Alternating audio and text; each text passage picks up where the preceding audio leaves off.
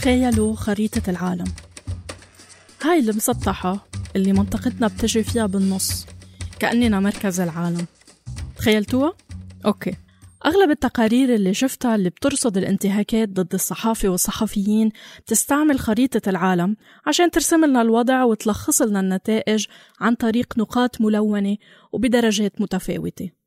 بهاي البقعة الجغرافية اللي للصدفة انوجدنا فيها بتلاقوها عم تبرق. أو عم تتوهج باللون الأحمر. عن جد بتحسسكن إنه في شي مش عادي عم بصير هون. هالقد في اعتداءات واعتقالات وقمع لحرية الإعلام والرأي؟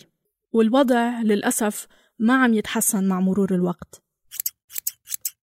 اليوم رح نتعرف أكثر على كيف بيتعامل الصحفيين مع المحاولات الدائمة للسلطات بالعالم العربي للسيطرة على المعلومات وعلى المحتوى. عبر الجهاز الرقابي أحيانا وبالعنف اللي ممكن يوصل للقتل بأحيان تانية.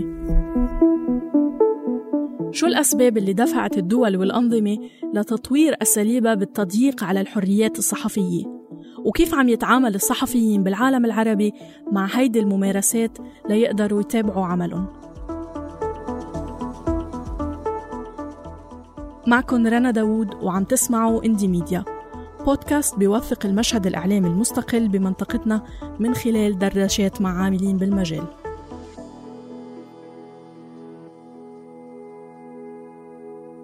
من السنوات الأولى لنشأة الدول الحديثة بالمنطقة العربية كان في اتجاه لوضع قوانين بتسمح للسلطة بالتحكم بحرية الصحافة والنشر.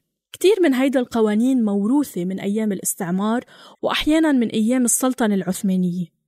امتلأت هيدي القوانين بعبارات عمومية وحمالة أوجه مثل المس بالأمن القومي ووهن عزيمة الأمة والحفاظ على النظام العام وغيرها لأنها بتعطي غطاء قانوني للدولة وبتمنحها الحق لممارسة الرقابة المسبقة على الصحف ومنعها من الصدور وحتى محاكمة الصحفيين. ولأوقات طويلة سيطرت الدولة بكتير من البلدان بالعالم العربي على التلفزيون والإذاعة وحتى على الصحف مثل ما صار بمصر بالسنوات اللي تلت التأميم أو بسوريا اللي سيطرت فيها الجرايد الحكومية على المجال الصحفي. وحتى بالبلدان اللي كان فيها الإعلام مقسوم بين قطاع عام وقطاع خاص ظلت الجرايد اللبنانية مثلا لفترات طويلة تصدر بمساحات بيضاء أو بجمل وعناوين محذوفة استبدلت بعبارة مراقبة. هيدا عدا عن اغتيالات الصحفيين واختطافهم.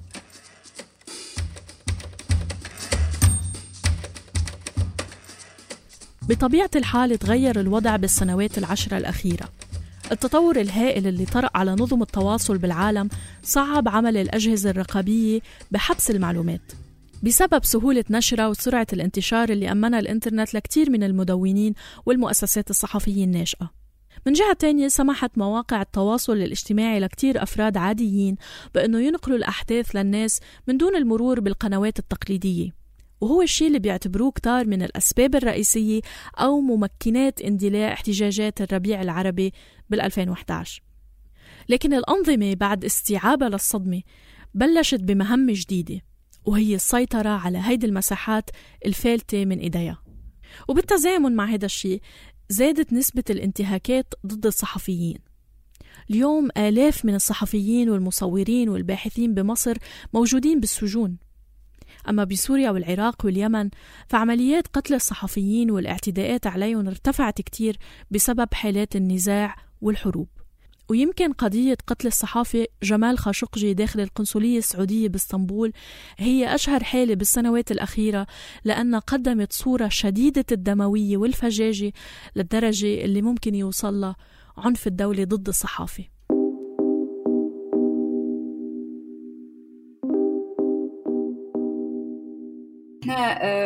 مجموعة من الصحفيين وصحفيات آه، بدأنا موقع مدى في 2013 آه، في لحظة كده معقدة شوية كنا بنشتغل فيها في في جريدة أخرى والجريدة يعني استغنت عن خدماتنا في خضم يعني تحول سياسي كده خلى كتير من المواقع والجرايد والمؤسسات الإعلامية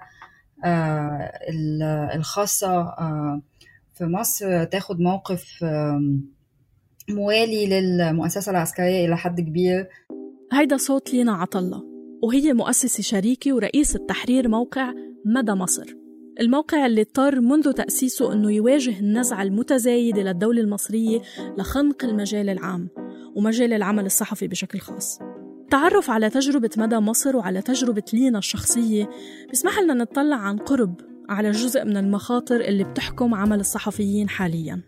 جزء كبير من إحنا بدأنا نعمل مدى ليه كان ليه علاقة بإن إحنا آه، كنا متوقعين إنه يبقى في تراجع آه، في مجال الحريات في المطلق مش بس حرية الصحافة آه، الحريات السياسية والمدنية في المطلق. وطبعا كمان تراجع في الوضع الاقتصادي بشكل عام يعني. وبالتالي يعني كنا حاسين إنه مهم إنه يكون في موقع بيشتبك مع الحالة دي وبيحاول وبيحاول يتناولها ويخلق منها ريكورد آه، بالرغم من الصعوبات يعني. ولكن طبعا تجربتنا من أول 2013 إن إحنا يعني سنة ورا سنة ابتدينا نشوف تجسيدات للتقفيل والإغلاق والضغوطات أكتر وأكتر. في 2013 آه، كان في حملات قبض في المطلق على ناس مختلفة منهم صحفيين ومنهم غير صحفيين. وطبعا انشغلنا جدا بتغطية قضاياهم آه، وأوضاعهم وهكذا. هالموجة من القمع والتقييد للعمل الصحافي ما كانت محصورة بمصر بل امتدت لمعظم دول العالم العربي؟ خلال عمله كمنسق لبرنامج الشرق الأوسط وشمال أفريقيا بلجنة حماية الصحفيين أو CPJ وثق شريف منصور العديد من الانتهاكات بالسنوات الأخيرة. ومن الواضح بالنسبة له أنه هيدي الموجة بدأت كرد فعل من الحكومات على مظاهرات الربيع العربي واللي اعتمدت بشكل كبير على الإنترنت ووسائل التواصل الحديثة. أحد الحاجات اللي لاحظناها وده السبب اللي أنا بدأت في موضوع الربيع العربي إنه معظم ما حدث في الاحتجاجات كان قيام العديد من الهواة. ممن يملكون هاتف إلكتروني آه، أو يملكون وصلة بالإنترنت. قيامهم بعمل صحفي آه، أو بالتعامل مع صحفيين من أجل نقل حقيقة الأوضاع ونقل الاحتجاجات آه، داخل وخارج بلادهم. وده كان آه، السبب إن الحكومات بدأ التركيز بشكل كبير على غلق المجال الإلكتروني. لو بصيتي لدولة زي مصر على سبيل المثال اللي على مدى فترة كبيرة لم تقوم بغلق مواقع إلكترونية بدأت من سنة 2015 بالتحديد بغلق مواقع إلكترونية تقوم بتغطية الأخبار والتضييق عليها بغرامات وحبس وتهديدات وخلافه أما بالنسبة لمدى مصر فهو ما كان من المواقع اللي تعرضت للإغلاق القسري ولكن كان بطليعة المواقع اللي تم حجبها عن الشبكة ابتداء من سنة 2017 آه، حجب المواقع آه، اللي بيتم في مصر لغاية دلوقتي هو غير قانوني آه، خصوصا الوقت ده في 2017 ما كانش أصلا في قوانين منظمة للحجب دلوقتي يقول فيه لكن وقتها ما كانش فيه وما, وما فيش أي جهة رسمية خطبتنا يعني قالت لنا إحنا بنحجب موقعكم علشان السبب الفلاني والسبب العلاني. يعني في الأردن لما حصل حجب المواقع ده كان مرتبط بالقانون المطبوعات وهكذا. بس كان واضح بالنسبة لنا إنه آه، إن إحنا عايزين نكمل شغل وعايزين نكمل نشر وبالتالي هنستغل كل الفرص التقنية اللي ممكن تسمح لنا بده. من أول إن إحنا آه، ابتدينا ننشر على مواقع بديلة كل شوية بتتحجب وبنطلع مواقع بدلها آه، واستغلال السوشيال ميديا أو آه، منصات التواصل الاجتماعي آه، بشكل أكثر نشاطا بما إنه الناس أصلا قاعدة على المواقع دي مش بتروح مباشرة لمواقعنا في كل الأحوال. وده يعني عوض شوية عن تضييع فرص القراءة اللي كانت موجودة لما موقعنا تطور ووصل لمرحلة كويسة في 2017 فده يعني مسار كان واضح بالنسبة لنا. آه، ومسار موازي ليه إن إحنا رفعنا دعوة آه، رفع الدعوة كان جزء منها إن إحنا يعني مش بنقبل نتعايش مع الوضع مع الوضع الحالي آه، وبالتالي يعني كنا شايفين إنه إحنا يعني من حقنا إن إحنا نتخانق خناقة القانون. وإحنا عارفين يعني إن إحنا مش هنوصل لحاجة في الخناقة دي ولكن كان لازم نثبت هذا الموقف ونروح المحكمة آه، ونطالب بإبطال فعل الحجب عن موقعنا. وهي بالفعل ما وصلتش الحاجة للقضية ويعني تم حفظها وهي موجودة في الدرج دلوقتي ما وصلتش الحاجة بالوقت الحالي صار في قوانين بتنظم الإعلام الإلكتروني بمصر وكذلك الأمر بكتير من الدول العربية التانية. لكن بالنسبة لشريف الهدف الحقيقي من تنظيم الإعلام الحديث هو تسهيل السيطرة على العاملين بهيدا القطاع والتضييق عليهم. جزء كبير من الفترة التشريعية على المدى العشر سنين اللي فاتوا كان معظم الحكومات العربية تقوم بإصدار قوانين جديدة سواء قوانين تحت مسميات الإرهاب أو تحت مسميات الجريمة الإلكترونية أو مؤخرا تحت مسميات الشائعات والأخبار الكاذبة. خلال المنطقة العربية كلها بأهداف سياسية لمحاولة تبرير استهداف الصحفيين والمواقع التي تستخدم الإنترنت أساسا للهروب من الرقابة التي تقوم به هذه الحكومات على وسائل الإعلام التقليدية. الأردن والمغرب حتى دول كانت في السابق مشهورة بأنها أكثر انفتاحا حتى البحرين على الإنترنت وعلى وسائل الإعلام والتواصل الاجتماعي. قامت مؤخرا بإصدار وتفعيل العديد من هذه القوانين القمعية وقامت على أساسها بإستصدار مواد جديدة تعامل الصحفي الإلكتروني كالصحفي عادي وتعامل وسيلة الاستخدام الإلكترونية كغيرها من وسيل من وسائل الإعلام. في المغرب استخدموا موضوع مش بس قانون الصحافة الإلكترونية إنما بيستخدموا حتى قانون العقوبات وحتى استخدام وسائل المتابعة والتجسس وغيرها من أدوات الحرب الإلكترونية تعتبر المنطقة العربية من أكثر الدول المشهورة بذلك. ومؤخرا دول زي الإمارات وحتى المغرب وغيرها انضمت لقائمة أعداء الإنترنت باستحداث والعمل مع شركات أوروبية وأمريكية لخلق وسائل للتتبع والتجسس على المعارضين بما فيهم الصحفيين في الخارج.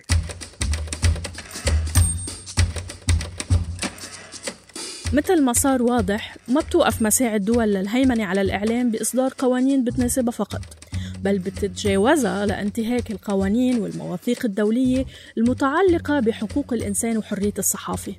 لينا كانت واحدة من الصحفيين اللي تعرضوا لهيدا النوع من الانتهاك.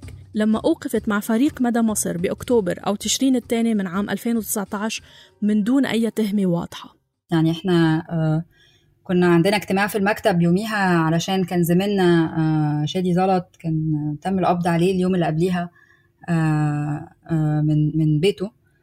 فكنا كفريق بنجتمع علشان نشوف إيه اللي ممكن نعمله علشان الوضع اللي إحنا فيه وخطوة وضع شادي اللي ما كناش عارفين مكانه لغاية اللحظة دي يعني. وإحنا داخلين المكتب يعني تم اقتحامه من قبل الأجهزة الأمنية. محدش حدد لنا ولا خاطبنا بشكل مباشر اللي حصل ده ليه. يعني ما فيش أي سبب اتقدم لنا بشكل مباشر في تكهنات ليها علاقة بمحتوى معين نشرناه ولكن محدش وجه لنا أصلا أي اتهامات لأنه الموضوع انتهى قبل ما يكون في مرحلة اعتقال وتوجيه اتهامات وهكذا. ولكن يعني في بيان طلع من النيابة في اليوم اللاحق أو يعني بعد كام يوم من من الاقتحام والقبض علينا وعلى زمايلنا وكده. وكان يعني صيغة البيان بتتكلم عن إن إحنا موقع غير مرخص اللي هي يعني حاجة شوية غامضة لأنه لغاية اللحظة دي بتاعت السنة اللي فاتت يعني ما كانش في آليات أصلا للترخيص للمواقع ما كانش لسه اللائحه التنفيذيه لقانون الإعلام الموحد اللي بتنص على الطريقة اللي المفروض المواقع تترخص بيها طلعت أصلا. هي طلعت يعني مؤخرا من كام أسبوع هنا في مصر يعني. فكان كانت حاجة غريبة شوية وغامضة. وبس لغايه هذه اللحظة يعني عمرنا ما فهمنا هم كانوا بيقبضوا علينا ليه ولا عايزين مننا إيه ولا سابونا ليه. يعني هي كلها فقرة كانت كده شديدة الغموض يعني. كانت هيدي التجربة الأولى للينا مع التوقيف ولكن ما كانت الأخيرة. بأيار أو مايو الماضي وخلال لقائها بليلى سويف والدة المدون والناشط المعتقل علاء عبد الفتاح اللي كانت معتصمة أمام مكان سجن ابنها بطرة وقفت السلطات المصرية لينا من جديد وهالمرة كانت التهمة جاهزة. آه فأنا كنت يعني بعمل لقاء مع دكتورة ليلى سويف وبتكلم على محاولتها يعني آه التحدي الحالة اللي حاصلة دي آه وتحدي أوضاع سجن ابنها يعني. آه بس يعني تم القبض عليا في لحظتها يعني ما لحقتش أوصل السجن يعني وأقعد يعني دي كام دقيقة يعني مع دكتورة ليلى آه تم القبض عليا واتهامي إني باخد صور آه لمنشأة عسكرية اللي هو طبعا مش دقيق لأنه أنا ما كنتش باخد صور لمنشأة عسكرية ويعني مش بالهبل إني آخد صور لمنشأة عسكرية في لحظة زي اللي إحنا فيها يعني. وما فيش يعني تم اقتيادي يعني لل... لاسم الشرطة ومن اسم الشرطة للنيابة. آه وبعدين من النيابة لاسم الشرطة تاني. ويعني ما كانش يعني أسهل يوم آه خالص بمعنى إنه آه إنه آه يعني تم التعامل معايا ك كمجرم يعني. وكانت حاجة مهينة يعني بأشكال مختلفة يعني. آه بس أنا واعية تماما يعني إنه إن أنا تاني يعني حد محظوظ جدا إنه في النهاية يعني دخلت وطلعت في خلال 24 في أقل من 24 ساعة كنت داخلة وطالعة يعني. بس كان يعني آه التعامل قاسي في هناك. ويعني تقدر تقول يعني إنه في حالة كده عداوة واضحة وصريحة. يعني ما كانش فيه ما كانش فيه يعني تحسس من التعبير عنها بكل الطرق في خلال فترة الاحتجاز على مدار اليوم يعني. على الرغم من بشاعة التجربة إلا أنه لينا بتعتبر نفسها محظوظة. بوقت امتدت هيدي الحالة من غياب الضمانات وانعدام الأمان على معظم المؤسسات ووصلت لمستويات كتير خطيرة. وهيدا الشي بتأكده المعطيات اللي قدم لنا إياها شريف. هو حاليا المنطقة العربية تعتبر من أسوأ المناطق في مجال حرية التعبير بصورة عامة وحرية الإنترنت بس بالتحديد في حرية الصحافة.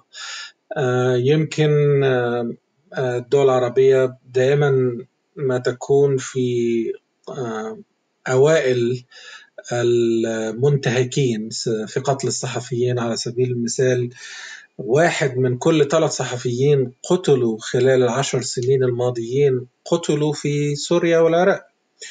وخلال الفترة من 92 حتى الآن العراق كانت أكثر دولة في قتل الصحفيين بما يقرب من 200 صحفي. وخلال العشر سنين اللي فاتوا كانت سوريا هي أكبر قتل دولة في قتل الصحفيين الآن بما يقرب من 130 صحفي هيدي الصورة القاتمة دفعتنا لنسأل لينا كيف بيقدر الصحفي يواصل عمله تحت هيك الظروف؟ وليش ما بيفتش ببساطة عن مهنة تانية أو بيختار ضمن المهنة نفسها مسارات آمنة أكتر؟ في حاجة ليها علاقة ب... بأنه مدى هي مجموعة من الناس مش أفراد ودي حاجة يعني مركزية جدا في الطريقة اللي اشتغلنا عليها. إن إحنا من الأول كده كنا يعني بنفكر في نفسنا ك...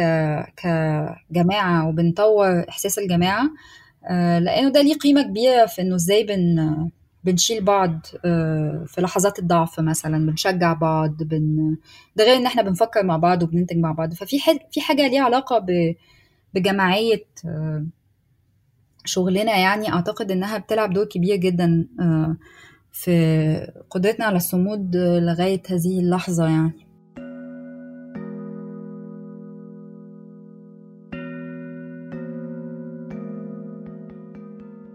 الحاجة الأخيرة اللي هقولها هي جملة اعتراضية أكتر من أي حاجة تانية إنه إنه إن أنا يعني فقدت كل قدرتي على التعايش في اليوم الأخير ده اللي اللي اتقبض عليا فيه وكان عندي وضوح كده إن أنا فعلا ما أقدرش أخش السجن. يعني ما عنديش قدرة النفس على تحمل الاعتقال لمدة طويلة. وهنا بقى ابتديت أفكر إنه لا في الحقيقة يعني الواحد يعني ولا صامد ولا حاجة. يعني أنا يعني ما في ناس كتير من أصحابنا قاعدين قابعين في السجون بقالهم سنوات ومستحملين بشكل من الأشكال. ده مستوى من الصمود. أنا أنا شخصيا ما أعتقدش إن أنا عندي قدرة عليه يعني عشان نكون برضو صريحين يعني لأنه دايما ناس بتشاور كده علينا إن إحنا شجعان وهكذا. آه أنا أحب أكون واضحة يعني إنه إنه آه بنحاول آه بنحاول نستغل كل هامش ممكن نستغله.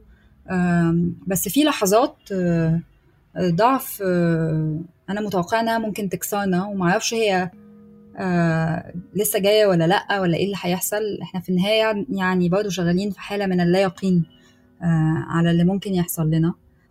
آه بس هنعمل إيه يعني؟ إحنا برضو قايلين من الأول إنه الطريقة الوحيدة للتواجد في مصر في ظل الوضع اللي إحنا فيه إن إحنا يعني نفضل مكملين في مدى آه اللي هي بتدينا يعني sense of purpose وبتدينا إحساس آه إن إحنا بنعمل حاجة كويسة وهكذا يعني. كل اللي سمعناه اليوم عطانا صورة مظلمة عن وضع الرقابة والحريات بمنطقتنا بهالوقت. بعد فترة تحرر قصيرة أتت مع ثورات الربيع العربي بعام 2011 ومع التطور الكبير اللي طرأ على وسائل التواصل الاجتماعي والإنترنت. هيدي الأحداث نبهت الدول لأثر الوسائط الحديثة وخليها تتحرك لتخنق الفضاء الإعلامي الجديد والمستقل بأساليب بتواكب فيها العصر. وزاد من انتهاكاتها بحق الصحفيين وصولا لقتلهم بكتير مرات. ومع هيك وبالرغم من كل الصعوبات والتضييق والتهديدات في صحفيين بعدهم عم يحاولوا يكفوا شغلهم ويكافحوا بهالظروف. فينا نقول إنه المعركة مستمرة.